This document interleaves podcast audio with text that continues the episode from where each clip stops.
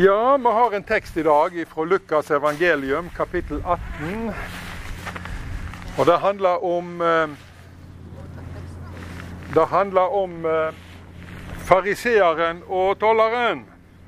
Det er en enkel, liten fortelling som dere har hørt mange ganger, og som tror dere, dere tror dere forstår godt. Men det kan hende det ennå finnes et poeng eller to som du ikke har fått helt med deg i den fortellingen.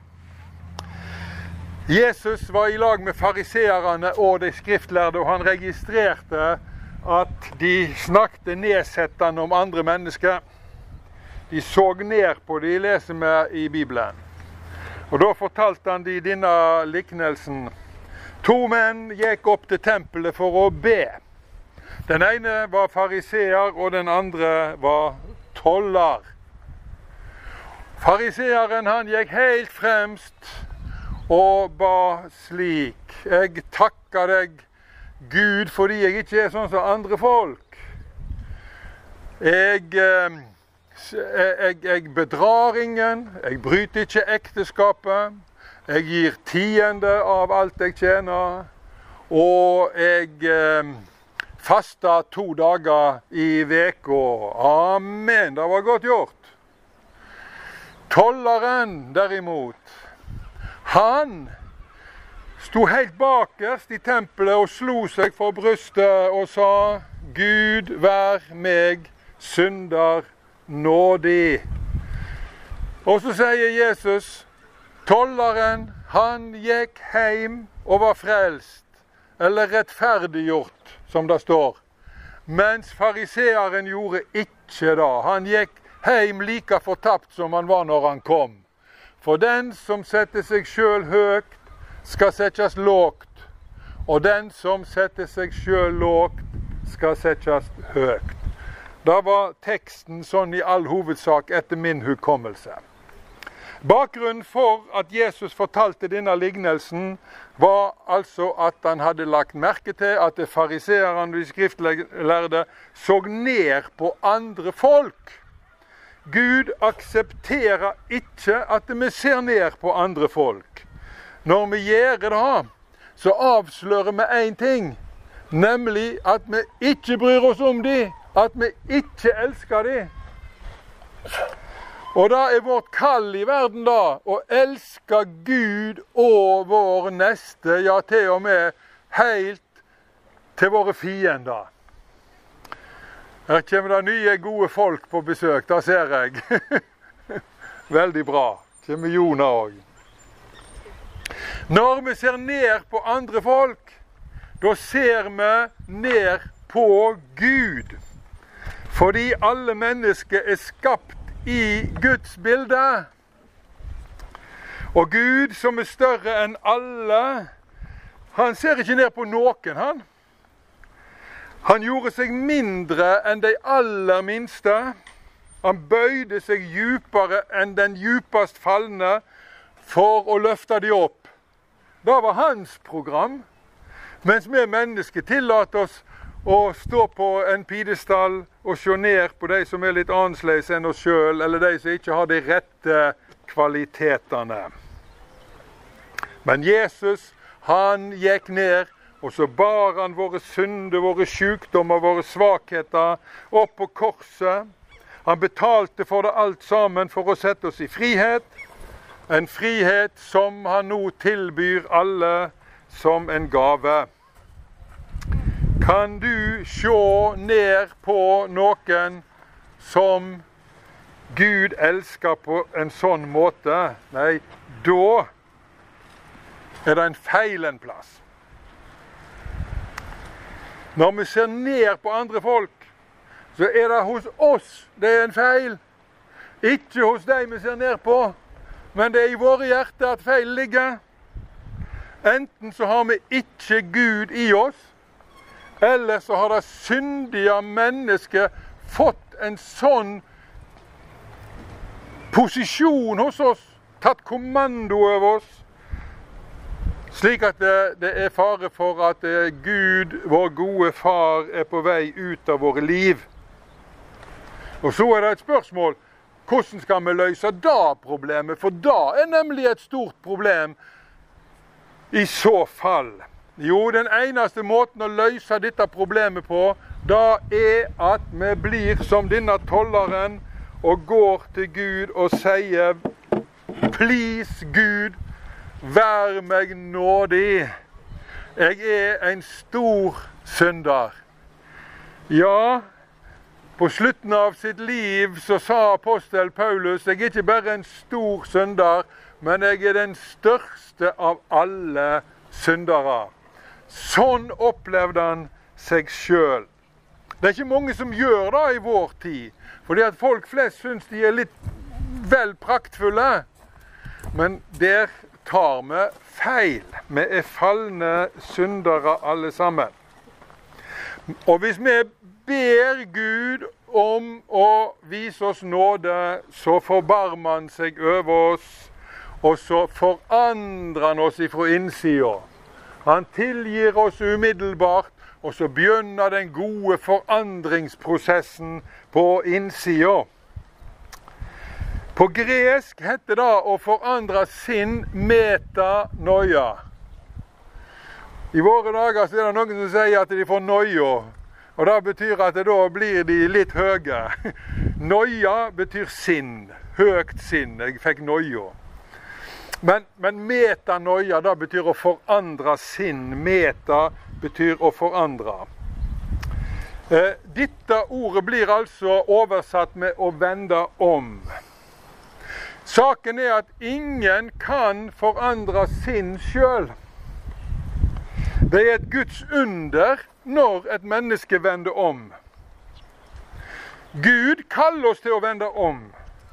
Men når vi prøver på det, så merker vi at det er helt komplett umulig å få det til. Israel hadde forstått dette når de ba på denne måten. Omvend meg du, så blir jeg omvendt. Og så står det i Jeremia 31, 19, Sannelig, etter jeg hadde bedt sånn, så vendte jeg om. Og du ga meg innsikt. Jeg angrer mine synder. Jeg skammer meg over min ungdoms spott, som det står. Jeg syntes at det jeg hadde gjort, bare var helt pinlig. Da hadde Gud grepet inn i deres liv og begynt å jobbe på deres hjerte. Og det er da vi er helt avhengige av skjer. Vi er så avhengige av Hans ånd. Ellers så blir det aldri noe kristendom ut av det. Det er lett å se feilene til alle andre. Men når Gud gir oss innsikt, så oppdager vi da at det, da å se andres feil så lett er den største av alle feil. Det er det som Jesus kaller for, for, for bjelken i ditt eget øye. Det at vi så lett ser hva som er galt med andre. Og når vi ser at det, da å se andres feil er den største feilen som eksisterer, da lærer vi å skamme oss over oss sjøl. Og når vi merker at vi ikke klarer å holde de negative holdningene ut av hjertene våre, sjøl om vi legger alle krefter til å yte full innsats, da går vi ifra å være fariseere til å bli tollere, og så ber vi Gud forbarm deg over meg. Vær meg synder nådig. Dette her er bare så utrolig pinlig. Og da skjer det alltid Du blir umiddelbart tilgitt, tatt inn til Gud, og så begynner han å virke positivt på sinnet vårt, slik at vi faktisk begynner å elske Han og våre medmennesker og blir sanne kristne. Fariseeren han var sjølopptatt og ganske jålete. Han har ikke mye filter i bønna si. Gud har vært mye heldigere med meg enn med alle andre.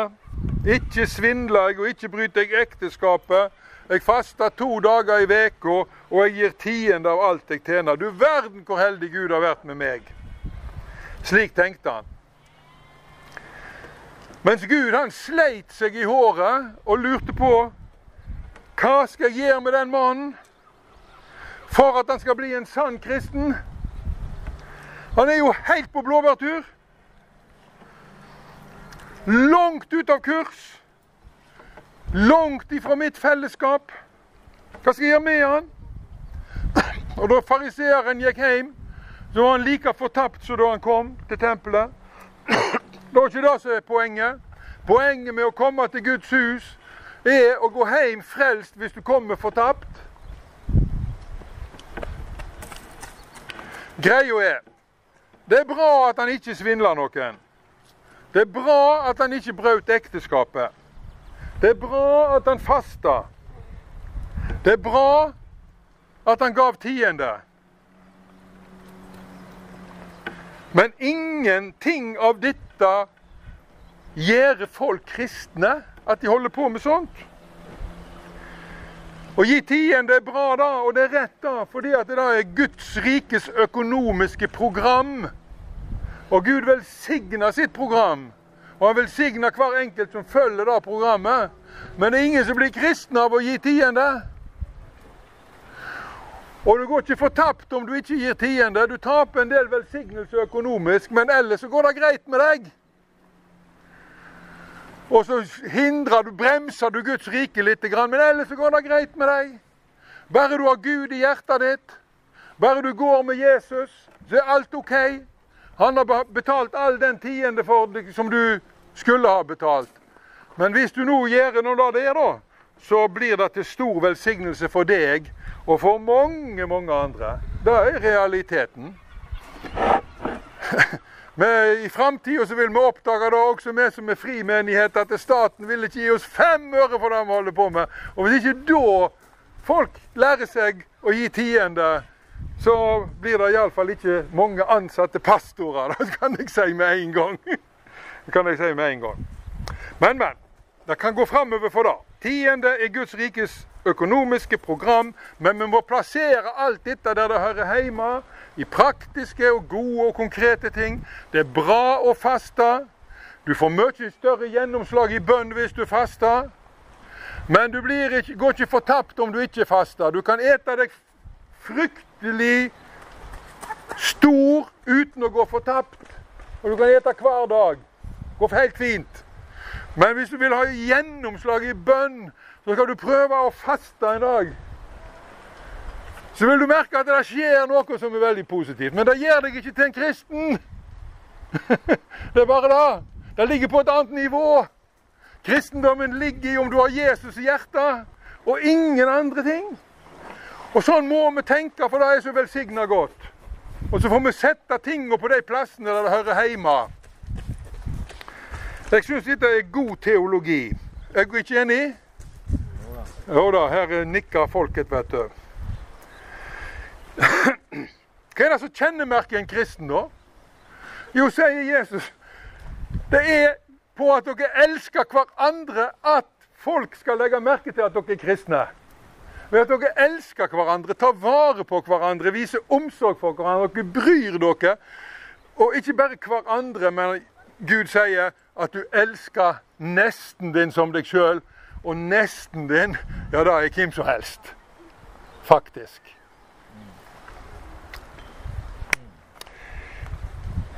Hva var det fariseeren elska, da? Seg sjøl elsker han! Og kristendommen sin. Han syntes han hadde en aldeles utrolig praktfull kristendom. Den syntes han han hadde grunn til å lage en plakat av. Se her, dere, er. Hva Gud har fått ut av meg. da. Det der sympatiske med han var jo faktisk talt at han gav Gud æra. Fordi at han var blitt så bra. I våre dager treffer jeg masse folk som gir Gud skylda for tida at ting går så gale. Men han gav i det minste Gud ære for at han var blitt så super. Og Det var litt sympatisk. Men han gikk like fortapt hjem som han kom. Han hadde ikke forstått bæret. Men tolleren han var jo faktisk kommet til tempelet denne dagen for å bli frelst. Han var i syndenød. Han var dreven av Den hellige ånd. Han hadde forstått hvor landet lå. Jeg er faktisk et menneske på vei mot den evige fortapelse. Da hadde han forstått. Og det er noe av den sunneste erkjennelsen et menneske kan ha. Jeg har ikke Gud med meg, og jeg må sørge for å få orden på mitt gudsforhold. Derfor var han kom til tempelet. Tempelet til Guds eget hus. Jeg må komme meg ut av denne situasjonen min. Jeg må bli frelst. Og du vet, når folk kommer dit hen at de forstår at de trenger å bli frelst, da kommer det vekkelse. Og da kan de dra mange, mange med seg i strømmen som de lager. Og så står det det står om israelsfolk at når de kom til sannhetserkjennelse om seg sjøl, så står det at de, de slo seg på låra. Men tolleren han slo seg for brystet. Kanskje det var like så godt som å slå seg på låra. Men i alle fall så sa han Vær meg en synder nådig, og mer skulle det ikke til. Han gikk frelst hjem til sitt hus. Han var rettferdiggjort. Er ikke det oppmuntrende? Det skal så lite til for å bli frelst. Ei enkel bønn om Guds nåde. Og så sier du nei, men det var noe voldsomt. Hvor lite det skulle til, da? Det må nå vel litt mer til enn ei bønn om Guds nåde. Nei, det skal ikke mer til enn ei lita bønn om Guds nåde. Ja, nei, Det er altfor enkelt. Ja, Hvis det ikke er så enkelt, så blir du ikke frelst. Det er sannheten. Det er noen nå som kritiserer dette at ja, du blir nå ikke frelst bare du går fram på et møte. Hva slags sutleprat er det? Hva er det de ønsker skal skje med deg for at du skal være frelst, da? Hvordan ble de frelst? Går du fram på et møte og ber om Guds nåde, klart du blir frelst. Eller så har en devaluert alle Jesu ord. Tenk på kvinner som rørte ved Jesu kjortel. Det som var ute etter, det var helbredelse. Hun var egentlig ikke ute etter frelse, hun var ute etter Jesus og helbredelse. Hun tenkte ikke så mye på syndene sine. Men med en gang hun berørte Jesu kjortel, så ble hun helbreda for sin tolv års gamle sykdom.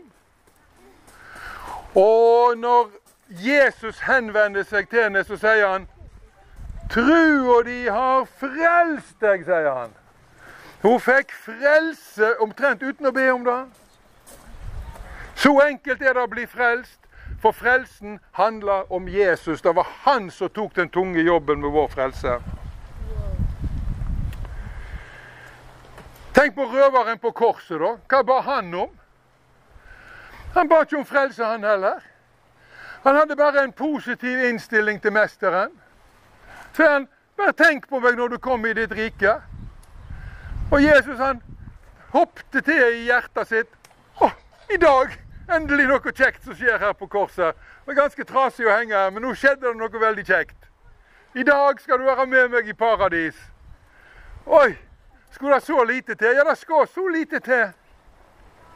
Og så får alle de som mener at det skal mye mer til, de får nå bare stå for det. Men de tuller det til for folk. De store forandringene de kommer etter at du er frelst. Det er da de store forandringene kommer, for da har du sluppet Gud inn i livet ditt. Og det kaller vi for helging, ikke for frelse. Stor forskjell. Hva er felles for alle som blir frelst? Jo, de er audmjuke. De kommer aldri til Gud med krav. De som i sin hovmodighet kommer til Gud med krav, må alltid gå tomhendte vekk. Men ei fordringsløs bønn om nåde, da gir susen. Og vekta og betydningen av Jesu død og oppstandelse er så stor at nåden blir delt ut i samme øyeblikk som folk ber om den. Alle syndene blir dekt av Jesu rettferdighet, og så kan han begynne å forme personene etter sitt bilde. Og det er en prosess, men frelsen er ingen prosess. Den skjer i et øyeblikk når mennesket kommer til tru og ber om nåde og overgir livet sine til Jesus Kristus. Ære være Faderen og Sønnen, som var og er og være skal en sann Gud fra Eva og til Eva. Amen.